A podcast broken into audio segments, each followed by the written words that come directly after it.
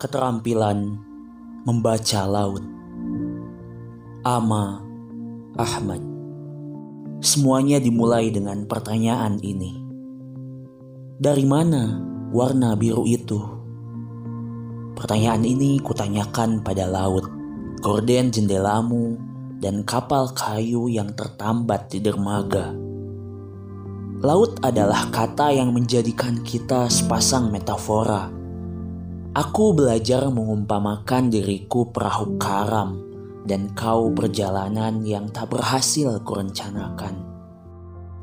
Laut menghidupi harapan-harapan sebelum pagi tiba. Aku sering membisikkan keinginan-keinginan. Namamu adalah kata yang diakrabi ombak dan pasir pantai.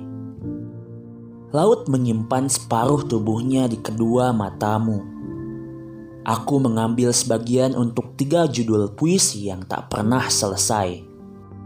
Semesta yang menyimpan kesedihan adalah tempat di mana aku, juga kau, menuangkan banyak warna biru di setiap ingatan.